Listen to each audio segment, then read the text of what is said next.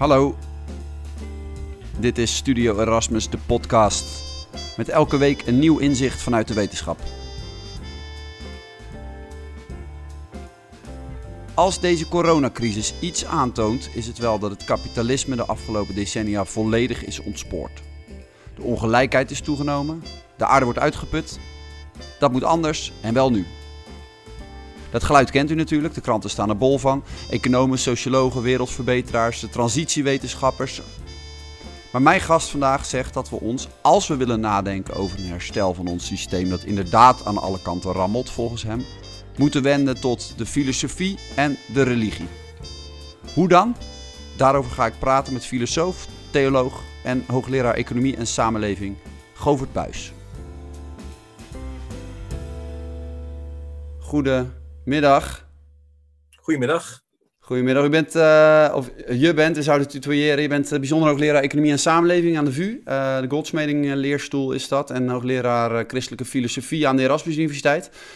Um, auteur van een aantal boeken, waaronder Waarom werken we zo hard? Op weg naar de economie van de vreugde. En het boek samen met Ad Verbrugge onder meer uh, Het goede leven en de vrije markt. En, en een van uw motto's, ook te lezen op, uw, op, op, je, op je website, is, is dat je wil filosoferen over mens, markt en maatschappij vanuit de liefde. Kun je dat uitleggen? Ja, ja, ja, ja, ja, ja. Ja, nee, ik ben een heel aantal jaar geleden, deed ik een onderzoeksproject eigenlijk over ja, wat we maatschappelijke organisaties, maatschappelijk middenveld noemen. en toen kwam ik erachter dat die ook vaak ja, gaitatieve instellingen genoemd werden in het verleden. En ook zelfs zo in de belastingwet zijn gaitatieve doelen gekomen. Dus dan kom je op het caritas. Wat is dat eigenlijk? Uh, nou, dat is het Latijnse woord voor liefde. Uh, en ja, op de achtergrond, waarom is dat zo'n belangrijk woord geworden? Ja, dat heeft eigenlijk toch wel heel erg te maken in onze cultuur met de christelijke traditie. Dus dan kijk ook naar christelijke geschriften. En daar komt dan de, de, de Griekse, het Griekse woord daarvoor is dan agape.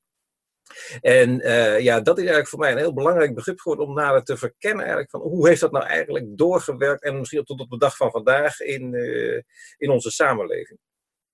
En uh, ja, dat is een, zeg maar globaal gesproken, dus vandaar dat je dat op mijn website vindt, mijn, mijn onderzoeksproject, waar ik dan aan heel verschillende maatschappelijke sectoren eigenlijk aandacht besteed. Dus ik heb inderdaad vijf gedaan aan eh, de rol van, inderdaad, van maatschappelijke organisaties. En waarom zijn mensen geïnspireerd om uh, nou ja, met allerlei goede doelen bezig te zijn, om het zo maar eventjes te, te zeggen. Um, maar ik heb ook sinds een aantal jaren geef ik nog wat colleges aan de economische faculteit. En toen ben ik ook die vragen stellen, hier aan de VU, de vragen stellen naar, nou ja, heeft dat ook op een bepaalde manier, heeft economie ook iets te maken met liefde wellicht. En uh, nou ja, dan kom je al snel bij het grote werk van uh, Adam Smith uit, zeg maar, uh, die de vader van de economie genoemd wordt. En het is eigenlijk een fascinerende figuur. Daar ben ik toch wel opgekomen dat, die, dat eigenlijk dat begrip in allerlei verschillende synoniemen kun je daarvoor bedenken. Maar begrippen als sympathy, maar ook friendship, dat zijn dingen die hij eigenlijk verbindt met economie. Uh, nou, dat is niet je, de, zowel niet het eerste beeld wat je van economie hebt, als niet het beeld wat mensen vaak van Adam Smith hebben. En dus nee, de man die vaak geroemd wordt, hè, om die, de, de, dat hij die invisible hand bedacht zou hebben. De, eigenlijk de oervader van, uh, van, van het liberalisme, het neoliberalisme ook uh, doorgeklonken. Nou, daar gaan we het zo meteen misschien wel even over, over hebben, want in je boek is een hele andere lezing van Adam Smith te vinden. Hè? Um, maar misschien even goed, hè? Het, het lijkt mij leuk om het te hebben over uh, over die kritiek op dat, op dat systeem wat we nu hanteren. Uh, dat jij eigenlijk ook zegt van, uh, ook in een stuk in Trouw afgelopen weekend, dit is een heel mooi moment om, om, om, te, om te kiezen voor een, een herinrichting van dat systeem. Ehm, het lijkt me mooi om het te hebben over wat er mis is met het kapitalisme, of met het liberalisme, het neoliberalisme.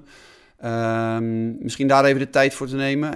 Te kijken naar ja, wat, wat moet er dan voor in de plaats komen. Ja, ja. En uh, ook met oog op jouw leerstoel. Um, welke rol moeten uh, de filosofie en, en, en de religie daar dan ook in, uh, in nemen? Zullen we beginnen met die eerste vraag? Van wat is er mis met dat systeem wat we nu hebben? Want in trouw heb je volgens mij onderscheid je zes belangrijke problemen aan het, aan het, aan het huidige systeem. Misschien... Ja, het is eh, kijk, ik ben natuurlijk uh, helemaal de eerste niet die, die daarin uh, problemen ziet. En dat gaat natuurlijk al terug tot op Karl Marx. Um, zij het dat veel van de kritiek zoals die geuit is in de loop van de tijd, vaak ook eigenlijk meteen afscheid wilde nemen van de, van de vrije markt als zodanig. Um, en om meteen maar even een, voorschot te nemen op mijn eigen, eigen positie, die kant zou ik niet op, op, op.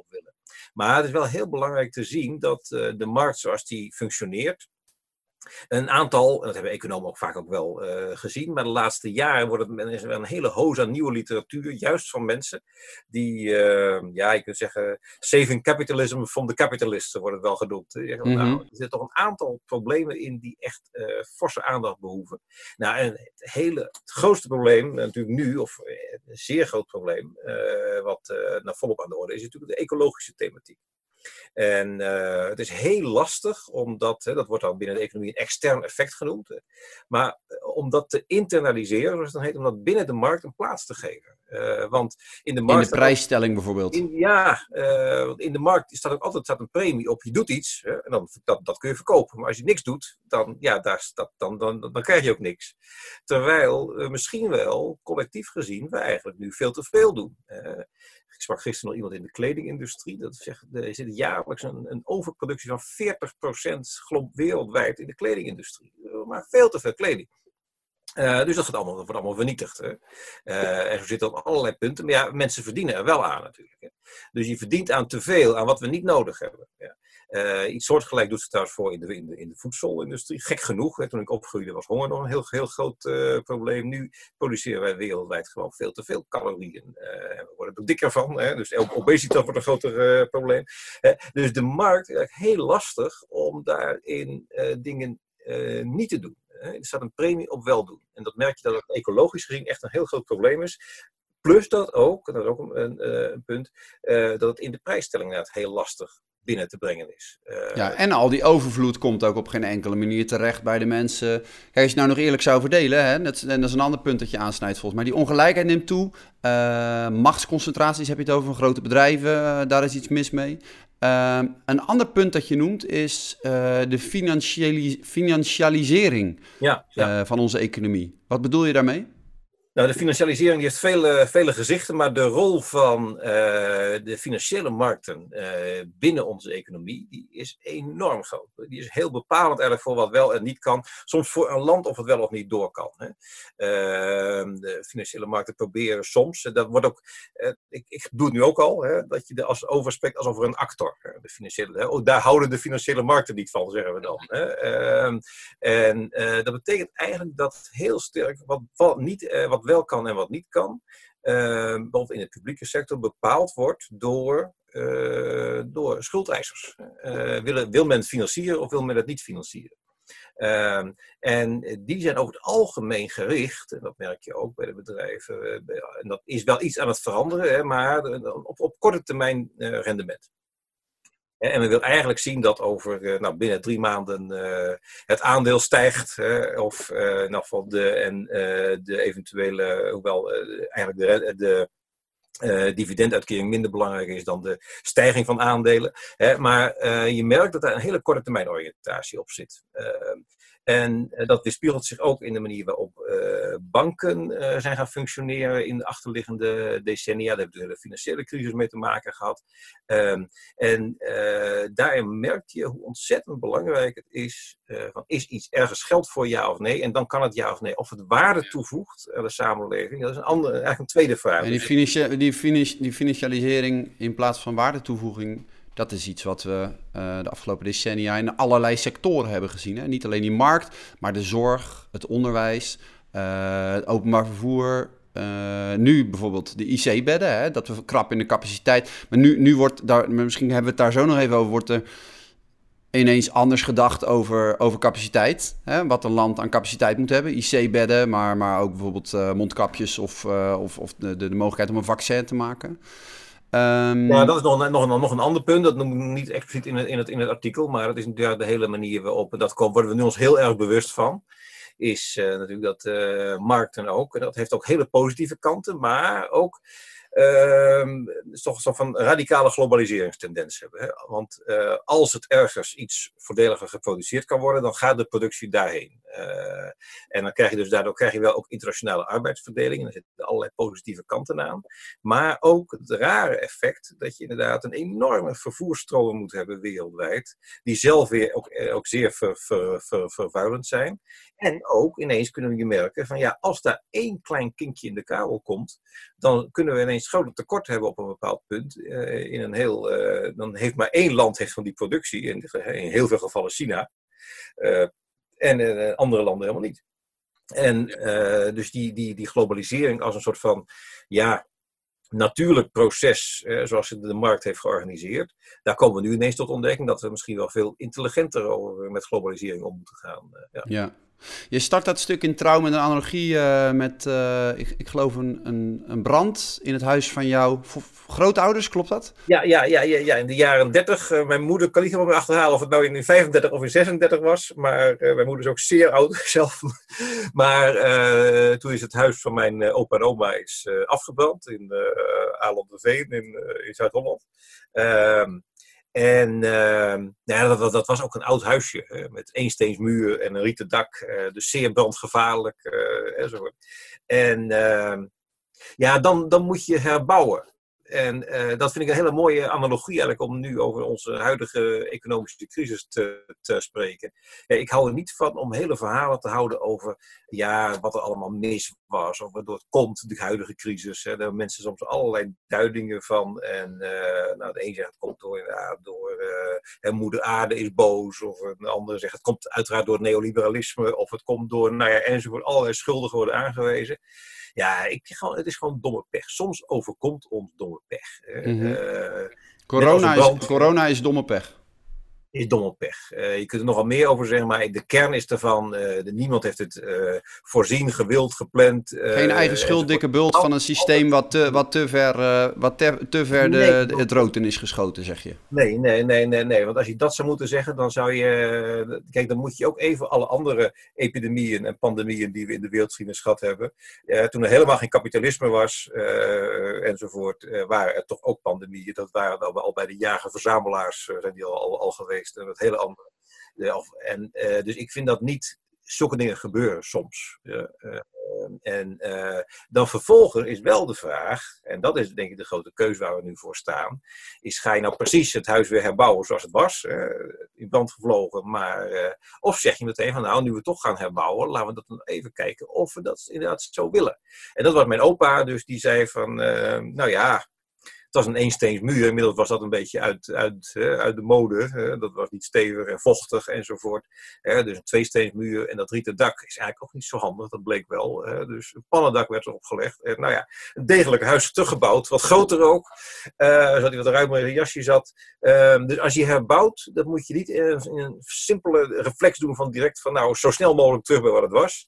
Maar denk even na van wat wil je nou eigenlijk uh, herbouwen. Want je gaat enorme investeringen doen, die je niet nog een keer opnieuw kunt doen. Wat we nu een hele korte tijd investeren. Uh, betekent straks waarschijnlijk tien jaar dat we weer heel erg zuinig moeten zijn. Nou, doe het dan nu intelligent. Uh, intelligente herbouw. Dat is in, niet alleen intelligente lockdown, maar ook intelligente uh, herbouw van de economie. Ja. Dat, dat, dat, uh, dat levert een, best wel een complexe vraag op. Volgens mij was dat ook het thema wat in jouw oratie uh, centraal stond. Waartoe is de economie op aarde? Um, dat is de vraag die we dan moeten stellen, toch? Of niet? Ja, ja, ja kijk, die, die, die vraag die is, uh, die, is die moet je eigenlijk, zou je zeggen, moet je die altijd wel stellen. Dingen als samenleving in elkaar zet, als je dingen doet, dingen onderhoudt, uh, moet je ook zeggen, waarom doen we dit eigenlijk? Ja, maar dat hebben we een beetje veronachtzaamd de afgelopen decennia. Heel veronachtzaamd. En dus daar ging mijn oratie al over toen nog helemaal van corona geen sprake was, dat wij eigenlijk niet de vraag stellen van waarom hebben we eigenlijk een economie? Uh, dat we eigenlijk de vraag gaan, die is er. En daar moeten we ons ja, aan onderwerpen bijna. Hè. En dan kom je bijna, nou ja, die religieuze dimensie zit er ook enigszins wat in. Uh, het is bijna een soort van, uh, het heeft iets goddelijks bijna. Hoe bedoel je, religieuze Nou, dat mensen zeggen, nou, de economie, uh, zoals ik net al zei straks, de economie zegt dat we dit moeten doen. Daar moeten we aan gehoorzamen. Ehm, dus daar moet je als het ware heel veel vertrouwen in hebben dat het dan ook goed komt automatisch. Dat je daar geen kritische vragen bij moet stellen. Nou, ik zou zeggen dat is, uh, dat zijn dingen die mensen, mensen vaak associëren met de religie. Ik denk met een verkeerde ah, van religie. Het deels, het deels geseculariseerde Nederland heeft voor zijn toch behoefte aan geloof gekozen voor de overtuiging de, de vrije markt is de, is, is, is de nieuwe god geworden voor een deel van de zou, Nederlanders. Dat zou je kunnen zeggen. Inclusief consumptie, waar heel veel van onze identiteit mee verbonden is, uh, is geweest. Dus, dus, dus, dus, dat, dus dat, dat, dat, hele, dat organiseren van die materiële productie en het consumeren daarvan is eigenlijk voor ons uh, ja, tot een soort van onaantastbaarheid geworden. Bijna heilig geworden, zeg maar. Ja, ja. En uh, terwijl ik zou zeggen, en dat is ja, ik denk voor mij is religie ook altijd als ware kijken naar waar, gaat, uh, waar gaan mensen verkeerde goden achterna, te zeggen. Dus kritisch, kritisch zijn. Uh, is dat je over iets als economie, wat toch ons gezamenlijke product is, dat je daar kritisch moet nadenken van willen we dit eigenlijk wel? Doen we het eigenlijk wel goed zoals we het willen? En dan heb ik nou die gevolgen die je ziet, die uh, nou, ecologisch, maar ook die, die, die ongelijkheid die we eigenlijk maar niet wegkrijgen, die verplaatsen we wel overigens. Hè. Die ongelijkheid was vroeger heel sterk tussen noordelijke landen en zuidelijke landen. Uh, is nu daar op dat vlak veel, ehm, veel meer eh, is die verminderd. Hè, nog lang niet weg, maar wel verminderd. Maar binnenlanden is die echt weer snel aan het groeien gegaan in de afgelopen twintig jaar. Er zijn er grote verschillen in de Verenigde Staten. In Nederland wat minder, is wel gematigd gebleven. Nederland heeft het toch een beetje toon weten te houden, wel iets, maar, uh, maar ook in andere Europese landen uh, is die ongelijkheid weer aan het toenemen. nou, dat soort. en wat ik ook heel belangrijk vind, is dat we, we leefden in een hoos. Ik ben heel benieuwd hoe dat nu gaat eigenlijk. in een hoos van burn-out. om de jongeren met name. En dus kennelijk het gevoel dat onze economie zeg, iets wat we toch met elkaar zelf opbouwen, maar ons ook opjaagt en ons, uh, ja, ons leven echt, echt uh, bedreigt. Bijna gewoon zowel in, in, in uh, fysieke zin, hebben we het over het ecologische op lange termijn, maar ook in psychische zin. Dat mensen zeggen van, uh, dat ze zozeer het gevoel hebben van, oh, als ik dit niet haal of dit niet, niet bereik, ja, dan misluk ik misschien. En dan voelen nog mensen voelen, voelen zich snel afgeschreven. En, nou, die hele dimensie van economie, zeg van, waarom, als we, als we een economie zelf inrichten, waarom richten we het dan zo in? En kunnen we het een beetje slimmer inrichten dan? Laten we het daarover hebben. um, als we die slimmer in moeten richten, mm -hmm. uh, waar moeten we beginnen? Dat is een uh, hele goede vraag. En ook een hele complexe. Uh, ik denk, uh, de, de, dat geldt voor alle problemen die we aangeroerd hebben, zo eventjes. Uh, of nou over de, de, ecologische thematiek of over de ongelijkheid gaat. Uh, dat je heel erg moet uitkijken. Dat je even met snelle recepten uh, eventjes nou zeg van een, een quick fix. Dat, en dat is typisch wel wat we snel hopen. En ik denk dat je op heel verschillende fronten moet uh, denken. Um, wat we in ons boek over uh, het goede leven in de vrije markt gedaan hebben, is eigenlijk de hele simpele vraag stellen. En die kunnen we eigenlijk allemaal stellen. Wanneer vinden we het leven nou eigenlijk goed? Uh, wanneer vinden we het nou minder goed of slecht? En dan blijkt, zowel uit allerlei onderzoek, maar je kunt het ook bij jezelf alvast nagaan, hè, van ja, uh, maar het heel mooi is ook altijd dat uh, die uh, gelukscijfers, van als je de materiële welvaart toeneemt, dan stijgt ja, ook, ook je geluksbeleving, die stijgt tot op ongeveer, nou ja, ik geloof dat in verschillende landen, hè, maar uh, 60.000 euro ongeveer.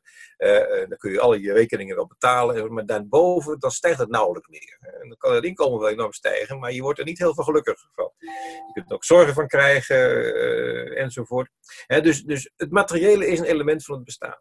Hè. Maar veel, net zo belangrijk, vaak voor veel mensen eigenlijk belangrijker, zijn bijvoorbeeld relaties. Ja, uh, en, uh, dus, dus, dus, en dat, economisch is dat eigenlijk lastig. Uh, we hebben nauwelijks, dat, dat, dat, hebben we nauwelijks ja, begrippen voor om dat goed te, te, duiden. Als mensen bijvoorbeeld zeggen, ik, ga, ik wil eigenlijk wel minder werken om meer tijd voor nou ja, mijn familie te hebben. Bijvoorbeeld past dat eigenlijk niet in onze economische rationaliteit. Terwijl het in een normaal menselijke rationaliteit heel begrijpelijk is. Nou, ik heb eigenlijk wel genoeg. Ik vind andere dingen nu belangrijker. Maar hebben we misschien zelf ook, zoals je die financialisering noemt, hebben we uh, ons hele leven misschien een beetje gefinancialiseerd? Dat we ook zo kijken van we stoppen ergens iets in, er gaat een investering in en dat moet op een bepaalde manier renderen.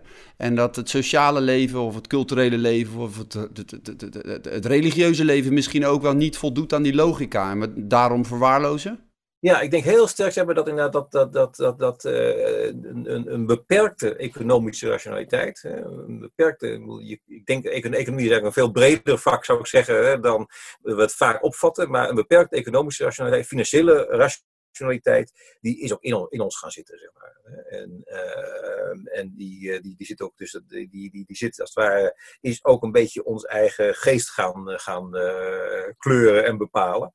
En nou, dat, daar kun je alleen maar voor, daar kan filosofie dus ook heel belangrijk in zijn, is zeggen van nou, Laten we gewoon eens even, even rustig zitten en zeggen van wanneer vinden we het leven nou goed? Nou, ik zei al, relaties zijn goed. Maar ook bijvoorbeeld natuur. Hè? Dat is iets waarvan we eigenlijk, nou, lange tijd waren we met niet zoveel mensen op deze aarde. En dan van, nou ja, de natuur was gewoon een gegeven en onuitputtelijk uh, enzovoort. Inmiddels weten we natuurlijk, en uh, nou, je kunt heel erg links zijn, maar ook heel erg rechts in de politiek. maar niemand gelooft dat deze aarde echt oneindig is en, en de domme daarvan. Dus, en, en, en wil je dat ook? Wil je ook echt zeg maar, die natuur uitputten tot het, tot het alles eruit halen wat erin zit? Of zeg je van nou, ik, het is voor, mezelf, maar voor ons allen van belang. Uh, je kunt het zowel individueel als collectief zien, dat die natuur toch ook in stand blijft. Uh, dus daar moeten we voor zorgen. Dat is een, een, dimensie ook van het goede leven, dat, uh, dat we in een, in, een, in een goede natuurlijke omgeving lopen. Nou, zo heb je een aantal dingen. Instituties is een ander verhaal. Uh, we gaan de zaak erg negatief over zijn. We gaan daar gaan denken als beknotting van onze vrijheid. En tegelijkertijd hoef je maar even te kijken als er in een land een staat niet functioneert. Hè, en een pure anarchie is, dan is het uh, bepaald niet plezierig. En als een staat heel onderdrukkend is, het ook niet plezierig. Dus goede instituties, die zijn heel erg belangrijk. Uh, nou, ehm, en laatste dimensie die wij daar onderscheiden hebben, is de dimensie van zin. veel mensen hebben toch, zijn, hebben, dat is ook heel bazaal, dat je als het ware behoefte hebt aan dat je persoonlijk van betekenis bent. Dat mensen zeggen, nou, je, je, bent belangrijk voor ons, je bent belangrijk voor binnen ons bedrijf, je bent belangrijk binnen, uh, binnen, je, binnen allerlei relationele verbanden uh, enzovoort. Uh, of ook veel mensen, ik wil ook ja, echt bijdragen aan, aan betekenis in de wereld. Ik wil ook zorgen dat de wereld aan mijn volgende generatie overdragen. Dat soort elementen, die zijn vaak voor heel veel mensen van heel groot belang. Ook. Dus ook de zin is een dimensie van het, van het goede leven. Die ook vaak helemaal niet in geld uit te drukken is. Het gaat ook vaak helemaal niet over geld. Het gaat om hele andere dimensies. Nou, dus, dus dat is dan een eerste vraag wat de filosofie kan bijdragen. Volgens mij gewoon die vraag stellen.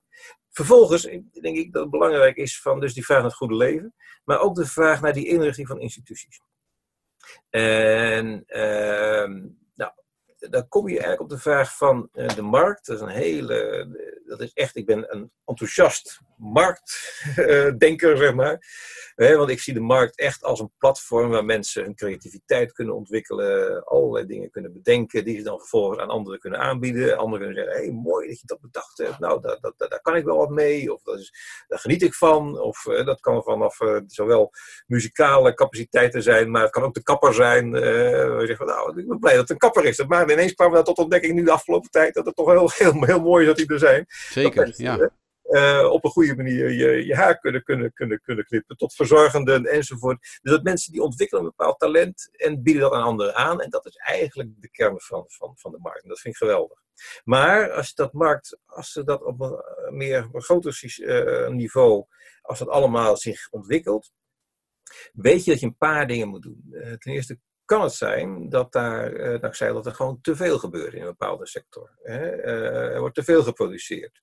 Of tegen hele rare prijzen. Dat je zegt van nou, eigenlijk subsidiëren wij, dan denk ik bijvoorbeeld aan vliegen natuurlijk, dat is het voorbeeld nu.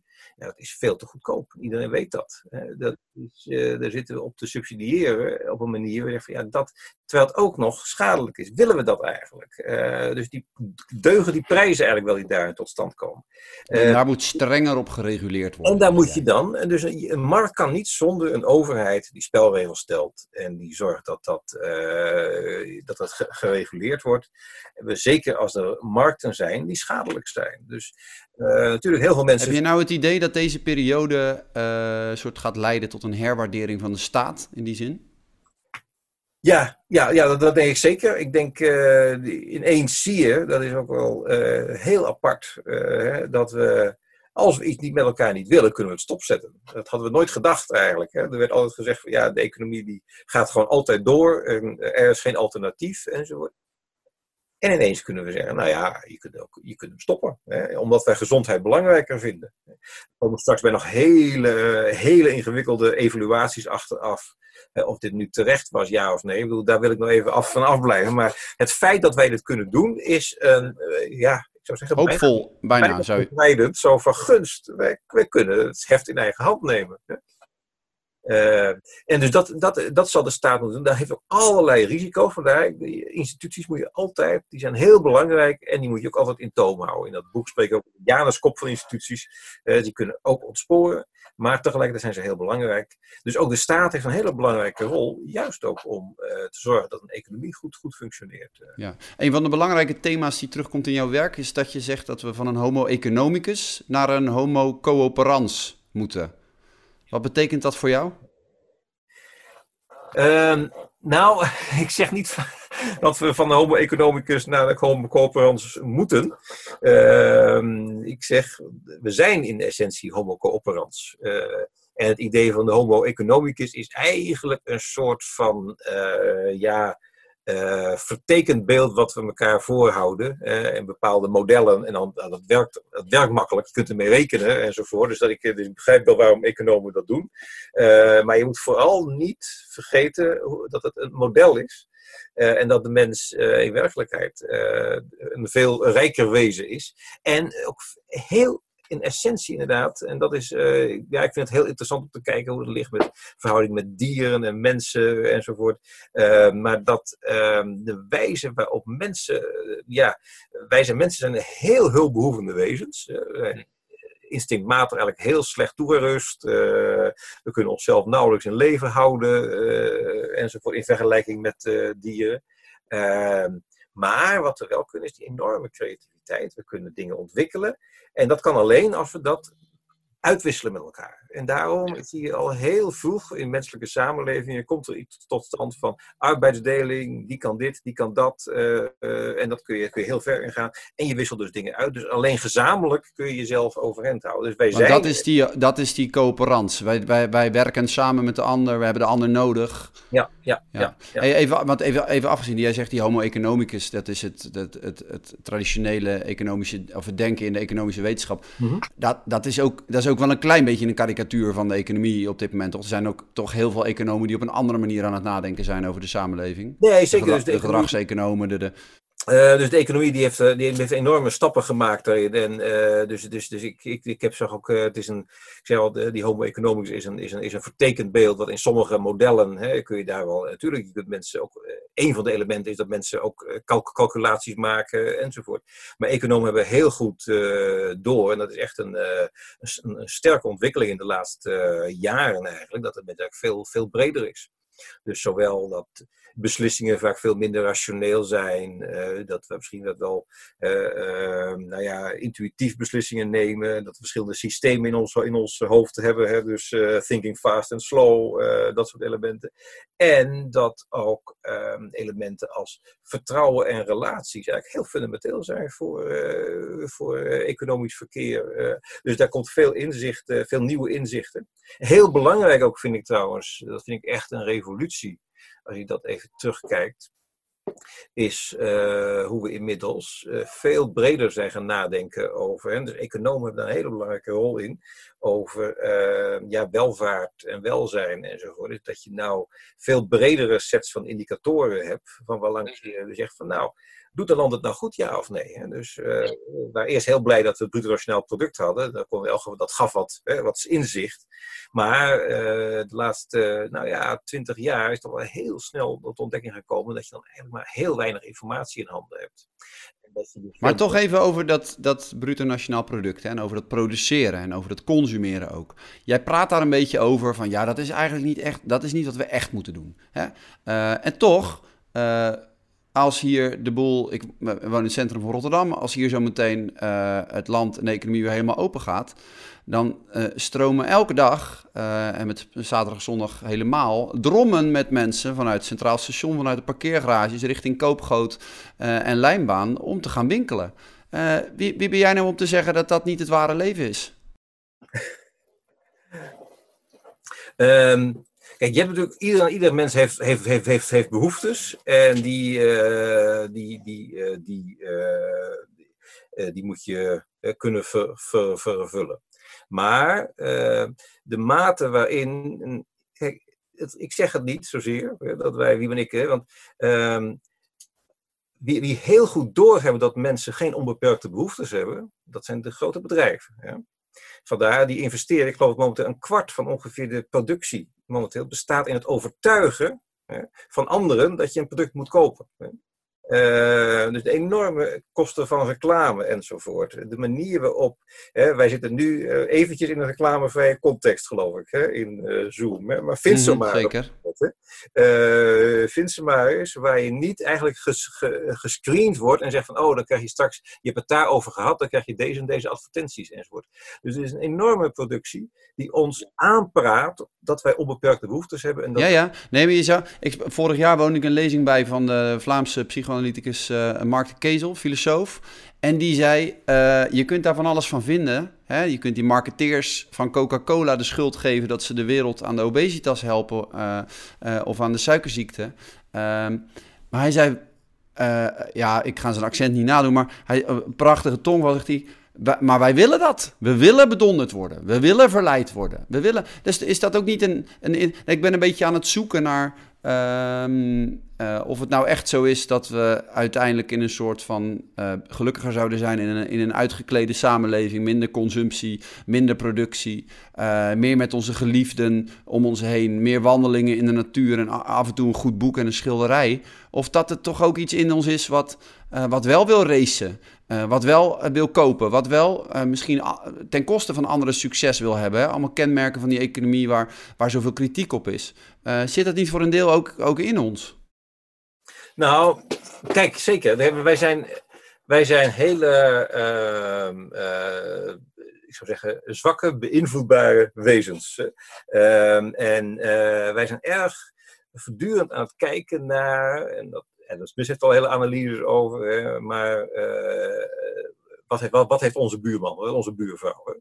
Uh, dus keeping up with the neighbors, dat is keeping up with the Joneses, hè, dat hebben in de Verenigde Staten, is een heel belangrijk iets. Dus ik geloof helemaal niet dat, ons, dat wij automatisch een soort van natuurlijke set van oneindige behoeftes hebben. Of, uh, maar ook niet dat wij gemakkelijk in staat zijn om onze behoeftes uh, ja, helemaal te controleren. Dat ons ware zelf, dat wij dat willen of dat niet willen. Uh, dat wij erg afhankelijk zijn van uh, en dat, dat, is echt de, de enorme kracht van de suggestie van anderen hebben dat en die, die zijn daarmee gelukkig. Hè. Dus we zijn vooral uh, gefocust op de verwachting de, of de, op de uitstraling en vandaar zo wordt alles gepercipieerd. die is gelukkig, die is succesvol, die is enzovoort. Ja. en dan willen wij dat ook. Ja. Dus het streven naar geluk is, denk ik, is, is heel fundamenteel voor mensen. Uh, maar de wijze waarop dat ingevuld wordt, daarin zijn we zeer gevoelig voor uh, wat wij denken dat anderen hebben. En dan willen we dat ook. Dus dat heeft... En dat is in zekere zin, hè, om een andere Vlaming erbij te halen, een beetje het verhaal van Paul Verhagen, de, de, de psychoanalyticus die zegt dat neoliberalisme maakt ons ziek. Ehm, wij, wij, die concurrentiemaatschappij maakt ons opgefokt. Uh, je hebt een wereld met alleen maar winnaars en verliezers. En met de verliezers, uh, de verliezers zijn altijd veel meer, hè? Uh, omdat je je afzet tegen andere mensen die, die iets anders meer hebben. Is dat, is dat, is dat nou, een beetje de hoek waarin ik moet denken? Dat, een, een, andere filosoof, inmiddels overleden, maar René Girard is er.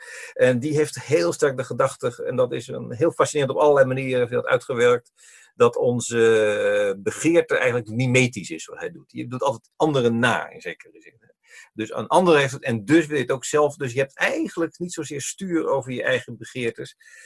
Maar het is, uh, de dingen worden ook voorgesteld en dan je wilt het omdat anderen het hebben. Uh, en dat is de, de, de, essentie van uh, reclame. En ik zei al, hè, de hele manier van, van, van overtuigen, dat gaat dat ongeveer, nu gaat al een enorm groot deel van die productie gaat in het proberen jou te verleiden om daadwerkelijk dat ook, ook, ook aan te schaffen.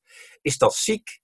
Uh, nou, ziek wordt het op het moment dat je dat eigenlijk niet erkent en niet doorhebt. Uh, en daarom vind ik, dat, ik vind filosofie heel belangrijk om dat soort mechanismes ook bloot te leggen. En te zeggen, en daarom ook die vraag te stellen: wil je dit nu echt? Niet te zeggen van, ah, dat ga ik even voorschrijven of zo. Filosofie is helemaal niet over voorschrijven. Filosofie gaat over het vragen stellen zodat mensen zeggen van gunst, wil ik dat nou eigenlijk echt? Uh, ben ik er nou eigenlijk gelukkiger van? Uh, en niet, en dat vind ik ook het, als ware het creëren van ruimte in gedachten, voor als bijvoorbeeld, um, nou, ik merk het met, met studenten economie, hè, dat men misschien wel een aantal daarvan, en of het groeit, weet ik niet, maar een aantal ervan, ik val me echt wel op de laatste jaren eigenlijk zeggen van, ik wil niet automatisch bij een bedrijf werken waar ik uh, eh, 80 uur in de week moet werken en dan zogenaamd uh, geweldige vooruitzichten heb, maar ook uh, de afbrand, het afbrandrisico enorm is. Ik eigenlijk niet geacht word nog een ander leven te hebben naast mijn carrière. Um, en, en, ik wil een beetje evenwichtige mens zijn. En ik wil werken bij een bedrijf waar ik ook trots op kan zijn dat het echt bijdraagt aan een, nou, betere samenleving bijvoorbeeld. Um, en dat je dan eigenlijk te horen krijgt van anderen dat je een beetje gekke henkie bent of zo. Dat je niet helemaal deugt. Nee, filosofie vind ik, dat, waarom deugt het ene wel en waarom het andere niet? Op grond waarvan? Uh, en dan is het denk ik dat je ook historisch kunt zien dat bijvoorbeeld die enorme nadruk op consumptie uh, en de echte totstandkoming van de consumptiesamenleving is nog maar een paar decennia oud. Is nog maar een paar decennia oud. Het is heel recent. Dus we zijn nog helemaal aan het, aan het ja, verwerken en verkennen de schok van die enorme, dat we niet meer van, nou ja, van honger naar obesitas, uh, dat geldt op alle, alle, alle vlakken, dat wij nu leven in een samenleving met een enorme overstroming van, van goederen, uh, diensten, producten enzovoort. En waarin we eigenlijk, ik denk nu een eerste ja, paar decennia eigenlijk bijna uh, nou is het over ons heen gekomen. En we zeggen, ach, eer, geweldig enzovoort. En we zijn nu pas een beetje toe van, nou, worden, helpt dat nou eigenlijk ons? Uh, enzovoort. Dus die reflexieve fase, daar komen we denk ik nu pas in. Uh, en dus het, we zijn eerst nog eens zo van, ja, bijna uh, de, de, de, de puber die voor het eerst zakgeld krijgt. Zeggen, ah, ineens kan ik alles doen, eh, geweldig. Uh, maar laat denk je van, ja, ik moet ook wel een beetje omgaan met dat zakgeld. En, ja. nou maar die reflexieve, het lijkt me goed om het, om, om het daar nog even over te hebben.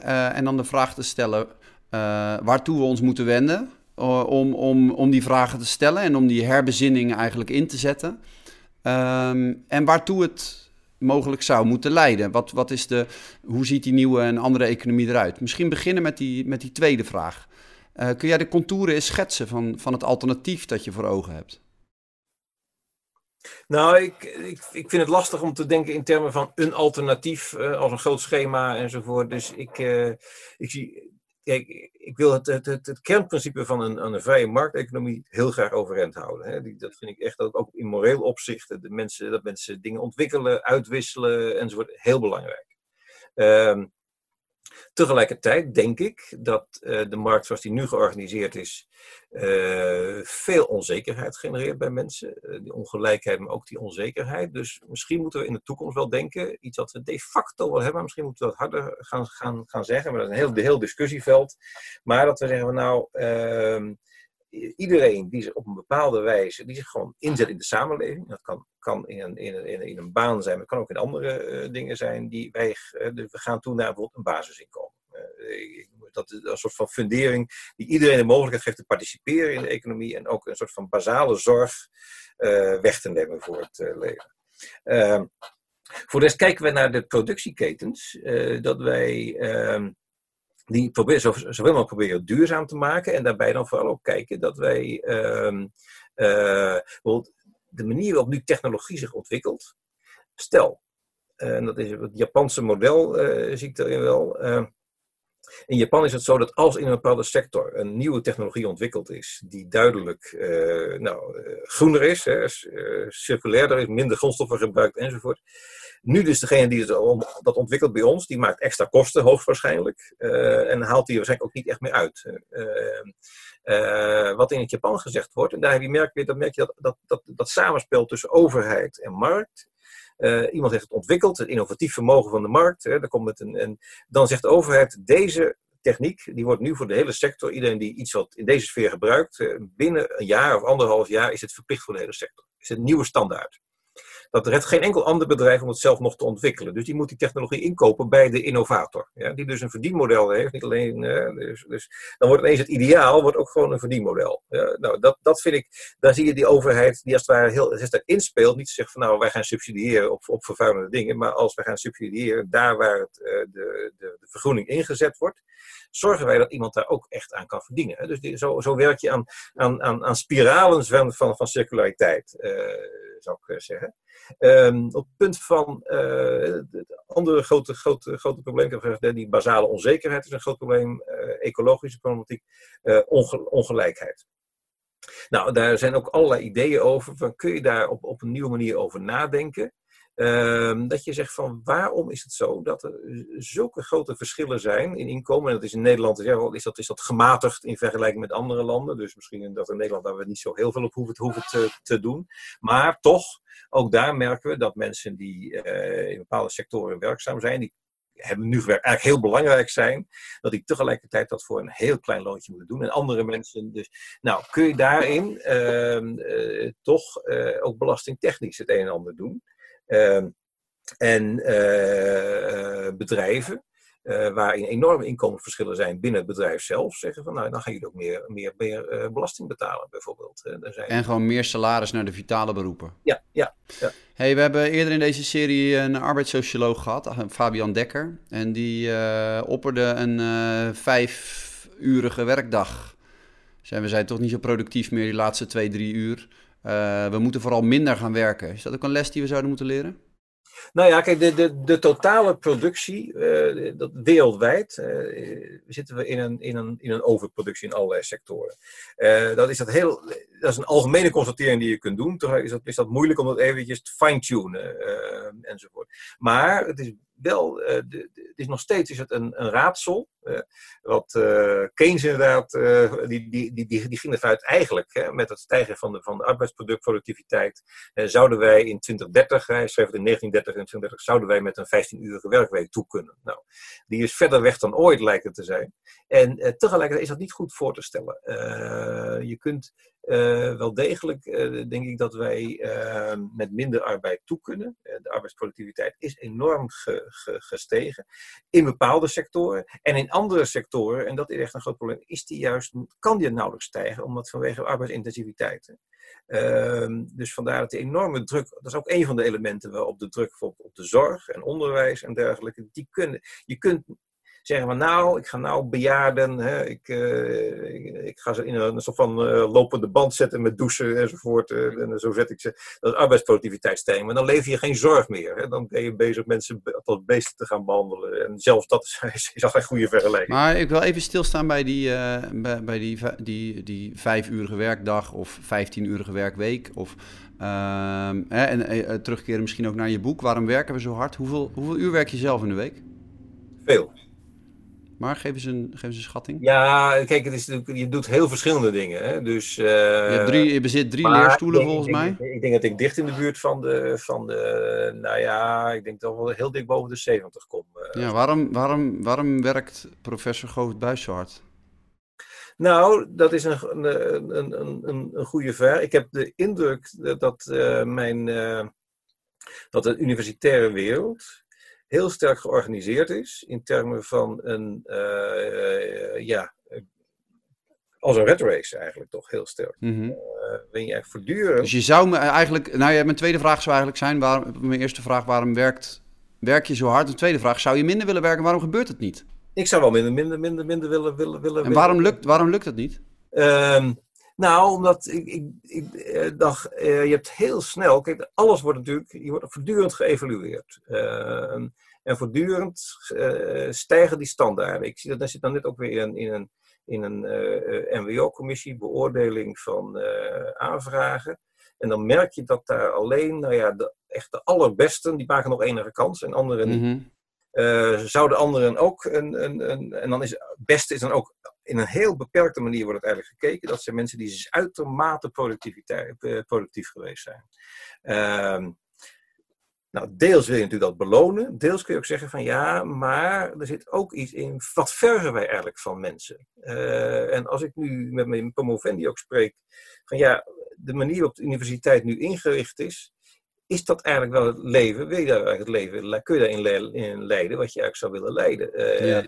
maar, heb... maar, maar Govert, hoe moeten we nou hoopvol zijn over een nieuwe economie met meer tijd voor bezinning en tijd voor elkaar, als het zelfs uh, degene die die nieuwe economie hier verkondigt niet lukt om uh, wat op de rem te trappen af en toe?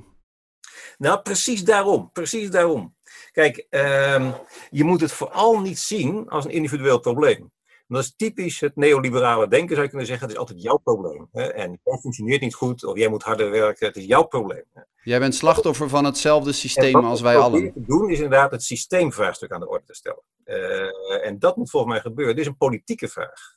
En ook een universiteitspolitieke vraag. Dit is een, een, een vraag van wie belonen wij? En op welke gronden en waar niet? Uh, en, ehm, en, en, en, en, dus, en dat is voortdurend. Eh, in allerlei sectoren is dat, is dat, is dat uh, aan de orde. En dat moet je vooral niet zeggen van ja, maar jij moet een beetje, ga wat vaker een klooster in of ga wat vaker. Hè. Zo wordt het ook altijd, het probleem wordt altijd geïndividualiseerd. Hè. Dus, en en dat, is, dat is precies het, het, het verkeerde discours. Je moet het juist aan de orde stellen. Niet dan zeggen van nou, kijk, ik heb het opgelost. Hè, en kijk eens, volg mij nu na. Hè. Nee, ik leg ook mijn eigen probleem op tafel. En dat moet ook. Ja. Hey, jij bent hoogleraar christelijke filosofie, maar ik heb uh, de afgelopen uh, eh, 35 minuten uh, heel weinig ehm, religie gehoord. Waar, is de, waar zit de christelijke component in, in jouw denken?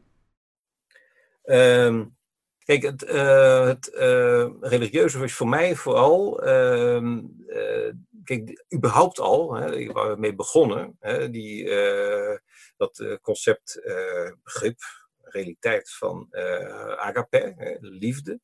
een heel centraal begrip uit de christelijke traditie, die over ook in andere tradities te vinden is. Maar dat is precies iets waarvan je denkt, van, nou, dat is een manier van kijken Ehm, die eigenlijk ehm, ja, niet past in onze bestaande kaders, zeg maar. Hè? En dan kun je het transcendent noemen, je kunt het noemen als van een andere werkelijkheid uh, enzovoort. En uh, dat vind ik wat uh, een van de elementen die religie doet, als het ware, dat het de realiteit onder ogen brengt van dingen zijn niet zoals ze, als, ze, als ze lijken te zijn, ze kunnen ook anders zijn. Ehm, en dat vergt zo, uh, verbeeldingskracht, dat vergt ja, geloof, hoop en liefde, zeg maar zeggen. Uh, om te kijken dat, dat, dat, dat dingen anders, anders kunnen. Omdat wij ehm, ja, als mensen, eigenlijk ik zei dat we zijn verleidbare wezens. Uh, gemakkelijk gevangen kunnen raken in onze eigen uh, ja, constructies en, en, en, en gedachten. En dan heeft het religieuze perspectief voor mij wel iets te maken met uh, nou, het inbrengen van een totaal ander perspectief. dat bevrijdend is, anders is. Ehm, en, en, en, dat, en dat hoop, hoop uitstraalt. dus dat, ja. Er is veel, is veel geschreven en gezegd over de, de, on, de onttovering van de wereld, over, over de, de ontkerkeling van de westerse wereld, over de leegloop van, van religieuze instituten. Zou, zou Nederland nou een beter en leuker land zijn als we de komende jaren weer wat vaker de kerkbanken of de, de, de, de, de moskee of de synagoge uh, of de tempel zouden opzoeken? Ik denk dat het uh, mensen zeker op een andere manier zullen laten nadenken over wat belangrijk is. Dus dat, ik zei al, die, die, die vragen naar het goede leven. Als mensen uh, met enige regelmaat op een, op een zondag of een ander tijdstip, maar daar even bij stilstaan. Waar gaat het nou eigenlijk om in het leven? Wat is nou echt belangrijk? Ehm, en daarbij ook, dat vind ik ook het mooie van een, van een kerk, dat je ineens mensen ontmoet buiten je eigen bubbel. Dan kun je zeggen, het religieus ook van een eigen bubbel, ja, maar sociologisch gezien zijn kerken, er zitten, er zitten gewoon arbeiders, er zitten mensen met, met, uh, bepaalde uh, handicaps, er zitten bepaalde ouderen, jongeren, allerlei generaties, allerlei maatschappelijke lagen en situaties komen er bij elkaar. En ineens zit je daar een beetje mee, als gelijken, zit je daarmee aan dezelfde avondmaal of eucharistieviering. dat zijn je medemensen. En ineens word je dus even uit je eigen bubbel gehaald. dat, dat is ook al een heel, heel, heel belangrijk iets, denk ik. Dus, het, dus waar tegelijkertijd, tegelijkertijd is het natuurlijk zo, even die analogie van die, van die dwarse puber, hè, die, nu, eh, die nu denkt, lekker, ik wil vrijheid. Uh, is het ook zo dat een kerkje, uh, en dat hangt een beetje van de kerk of van de, de, de, de stroming of de religie af in kwestie, maar op een zekere manier wel wat suggesties doet over hoe je, en het verschilt in dwingendheid, dwingendheid van het karakter ervan natuurlijk, maar in zekere zin su flinke suggesties doet over hoe je je leven zou moeten leven. Is dat iets wat die verwende puber die wij, die wij nu allen zijn, ehm, nog wel accepteert? Nou, dat is een hele interessante vraag. Uh... Kunnen we nog wat terug die kerkbanken in? Kijk, uh, religie is ook altijd weer bezig. Hè? Ehm, en en uh, ik denk dat, dat, als je de hele geschiedenis van de christelijke religie ook kijkt, uh, ook voortdurend bezig zichzelf weer nieuw, opnieuw uit te vinden van uh, wat betekent het nu? en inderdaad, in, wij komen uit in Nederland met name ook in de tijd van verzuiling. En dan je, is het heel sterk besef van bij een vorige generatie van oei, de kerk is, nou ja, de associatie, dan moet je dit en dan moet je dat alles wordt voorgeschreven enzovoort. Nou, daar hebben mensen afscheid van genomen en in zekere zin moest dat ook, denk ik. Moet je, zijn dat oude vormen die je dan eruit moet. Maar ik, ik, ik moet altijd denken, een paar jaar geleden kwam ook een student die, die, die kwam naar toe en zei van, ja, Buis, Buis, ik, ik, ik ben eigenlijk opgegroeid in volledige vrijheid. Mijn ouders hebben mij altijd in alles vrijgelaten. En, en, en ja, ik heb, maar ik, ik, ik, ik, zit, ik heb eigenlijk niet het gevoel dat, ik, dat het leven ook enige betekenis heeft. Eigenlijk. Alles kan en alles, maar ik, enzovoort. Dus, um, en die had eigenlijk de keerzijde van de vrijheid in een soort van volledige, ja, diffuse onverschilligheid eigenlijk uh, gemaakt. En um, wat een religieuze traditie doet, is dat het natuurlijk iets aanbiedt Waarvan je van nou, en, en, en, en altijd is dat, vind ik tenminste, dat ik misschien bij mijn protestantse achtergrond, maar ik denk ook in goede, goede katholieke zin, en eigenlijk uh, iets aanbiedt waar mensen zelf uh, een verhouding toe moeten vinden, moeten, de, moeten denken. Uh, religie echt aanzetten tot denken, maar het geeft wel dingen aan om over te, te, te denken. Het geeft dingen aan om je tegenaan te, te bemoeien. Te zeggen van nou, nou, nou, laten we even nemen hè, seksueel. Hè, even spannend, spannend iets. Hè, hele, er staat bijvoorbeeld, hè, een van de tien geboden is, gij zult niet echt breken. Uh, nou, dat is als een harde, harde eis, mag nooit, of daar kun je allerlei dingen over zeggen. Ik zeg, als dat in Nederland is als, als, als, als iets om over na te denken. Uh, worden mensen gelukkig van uh, echt, uh, van, van, van als, een, als, als een huwelijk stuk gaat? Nou, zelden. Worden kinderen er gelukkiger van? Zelden. Um, betekent dat dan dat je het nooit moet doen? Nee, maar er zit wel iets in van een, een, een soort van opdracht van hoe hou ik nou relaties eigenlijk goed? Uh, wat betekent dat nou eigenlijk? Dus, dus, dus al die geboden, dat zijn ook uitdagingen om te kijken van wat, waar, zit, waar zit de inspanningsverplichting, zeg maar, wat kan ik dat doen? En dan kan het bijvoorbeeld betekenen dat uh, nou, het voor mensen ontzettend moeilijk is geworden vandaag de dag. Mensen zijn ontzettend van overtuigd van hun eigen gelijk. Door roeien en ruiten, hè, aan mij is niks mis. Wat je nou in de kerk hoort, dat vind ik eigenlijk een heel bevrijdende gedachte. Ik ben heel blij dat ik dat af en toe hoor. Hè, dat ik een zondig mens ben. Ja? Dat ik dus fouten heb. Dat ik dus dingen niet altijd goed doe. En dat het wel zo zou kunnen zijn dat als ik in relatie tot het misloop, dat het wel misschien aan mij ligt. Uh, nou, dat kan een hele bevrijdende gedachte zijn. Uh, wat erbij hoort, is vergeving bijvoorbeeld. Kun je ook weer opnieuw beginnen? Kun je weer verder gaan in, als het misgegaan is? Kun je die stap zetten? Nou, dat soort hele fundamentele dingen, uh, die eigenlijk heel bazaal zijn, maar ook heel belangrijk zijn om het, om het leven voortgang te kunnen laten vinden. Nou, dat, daar heeft voor mij het, het uh, religieuze heel sterk mee te maken, waarbij het, het uiteindelijke verhaal hè, in de christelijke traditie is. Hè, dat uh, God eigenlijk degene is die eigenlijk steeds opnieuw weer begint. En steeds weer nieuwe ruimte geeft. Uh, en en, en, en, en, en uh, steeds weer. Hè, dus uh, Voltaire die sprak daar wat schamper over. Van, oh, pardonner, c'est son, métier. Het vergeven, dat is een vak. Hè, over God. Hè, maar er zit wel iets in van, nou, ehm, eerlijk zijn, zeggen wat je, waar, waar je fout geweest bent, maar ook opnieuw beginnen. Nou, nieuwe ruimte, vergeving krijgen. Nou, dat zijn belangrijke, hele belangrijke elementen die, nou ja, ik zou, heel, ik zou een heel verhaal kunnen houden over vergeving en internet. Hè. Maar hoe bijvoorbeeld nu elke misstap die iemand ooit begaan heeft, ligt, is vastgelegd hè, mhm. op, op, het net. En iemand, iemand, mhm. bij elke volgende sollicitatie, hè, iemand gaat even jou googlen en weet van, oh, je hebt toen eens een keer een tweet verstuurd waarin dat en dat zei. Nee, die moeten we niet hebben. Hè. Hoe, wat is, hoe kom je ooit af van je verleden? Dat is een vraag die is nou heel actueel. En nou, vergeving is dan heel fundamenteel. Nou, nee, je mag opnieuw beginnen. Uh, nou, dat zijn, dat, dat, zijn, dat zijn typisch, vind ik, religieuze vragen die daar uh, spelen voor, voor, voor mij. Ja. Ja, ik merk dat om mij heen heel veel mensen, in ieder geval een aantal mensen die geen vitaal beroep hadden, uh, in een soort van existentiële crisis terechtkwamen de afgelopen maanden. Dat ze dachten van oké, ja, wat, wat doet het er eigenlijk toe wat ik doe? Of ik kan niet meer doen wat ik doe.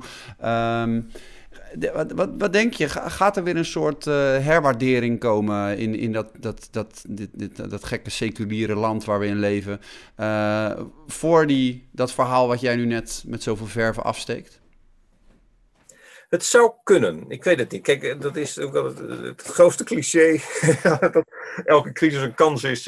Maar in, in, in, in een crisis gebeurt wel dat mensen, uh, of je het nou wil of niet, je gaat toch opnieuw vragen stellen. Ehm, en, en, even van, ben ik, ben ik goed bezig? Wil ik zo verder? Die vraag die komt op. Ehm, en, uh, het, zou, het zou zomaar kunnen inderdaad dat, dat, dat die vraag meer opkomt. en dan is het belangrijk, ik, ik heb geen idee ook. Kijk, kerken hebben ook zijn de afgelopen decennia natuurlijk heel veel, nou ja, die zagen alleen maar mensen vertrekken. de meeste tenminste, er zijn een paar uitzonderingen. En zijn daar ook een beetje, ja, hoe moet je het zeggen, de, de vaardigheid verloren om goed in te spelen op, op, op, op, op nieuwe omstandigheden en nieuwe vragen. Ik zie nou jonge eh, ja, pioniertheologen en, en, en, en pastoren eigenlijk daar in een hele nieuwe. Die hebben een nieuwe vaardigheid erin ontwikkeld eigenlijk. En zijn het bezig ontwikkelen. En dan zou het zomaar kunnen dat daar, ehm, en dat zal nooit denk ik die massaliteit zijn die er in het verleden was. Er zat ook enorm veel groepdruk in enzovoort. Maar dat er een, uh, een soort van nieuwe, nieuwe belangstelling voor dit type vragen komt. Dat zou, dat zou zomaar kunnen, ja. ja. Dat, dat had ik overigens ook, ook, ook, ook, drie jaar geleden gezegd, omdat ik steeds zie uh, ook als je naar de geschiedenis kijkt, uh, op allerlei manieren uh, ineens een tijdperk van, nou ja, waarin als het ware het christelijk geloof wegzakt, ineens ook weer terug kan komen, vaak op een hele nieuwe manier. vaak buiten oude structuren om en, en, en, en, en dergelijke. In die zin is het een hele, vind ik zelf tenminste, een hele interessante en spannende traditie om bij te horen, omdat die zichzelf ook, ook, ook steeds weer opnieuw uitvindt eigenlijk. Leuk dat je hierover van gedachten wilde wisselen, Govert. Graag gedaan. Dus uh, we hebben, van allerlei dingen hebben we besproken in, in een uh, redelijk kort tijdsbestek. Uh, ja, ja, ja, ja, ja. Heb, heb je een leuke dag voor de boeg? Um, ik heb nog één, nog één Zoom-vergadering en daarna heb ik, hoop ik vanavond, ik heb een hele drukke tijd gehad en dan kom ik weer eens echt aan echt onderzoek toe. Dus vanavond ga ik dus echt lekker lezen voor met een volgend, nou gewoon een beetje vrij lezen in de richting van een, een, een, een volgend boek, waar ik niet meteen... je, hebt, je hoeft niks te doen, dus je hebt eindelijk tijd om even lekker door te werken. Lekker even, ja, ja, ja, ja, En dat vind ik toch, dat vind ik toch een van de dingen die mij als wetenschapper vind ik dat het, je komt er te weinig aan toe, maar ik vind het heerlijk om gewoon lekker vrij te kunnen leven. Ja, ja. ja. Hey, dankjewel. Graag gedaan. Ja, ja. Je luisterde naar Studio Erasmus, de podcast. Een programma van de Erasmus Universiteit waarvoor ik elke week van achter mijn keukentafel bel met een beeldbepalende wetenschapper. De interviews zijn te beluisteren als podcast, bijvoorbeeld via Spotify, en te bekijken als video via studioerasmus.nl, waar overigens ook alle ruim 300 eerdere interviews te vinden zijn. Studio Erasmus komt tot stand onder redactie van Willem Scholten, Lenja Slierendrecht, Sonja Nollen-Smit, Marianne Klerk, Marjolein Kooistra en Meral van Leeuwen. Mijn naam is Geert Maarsen.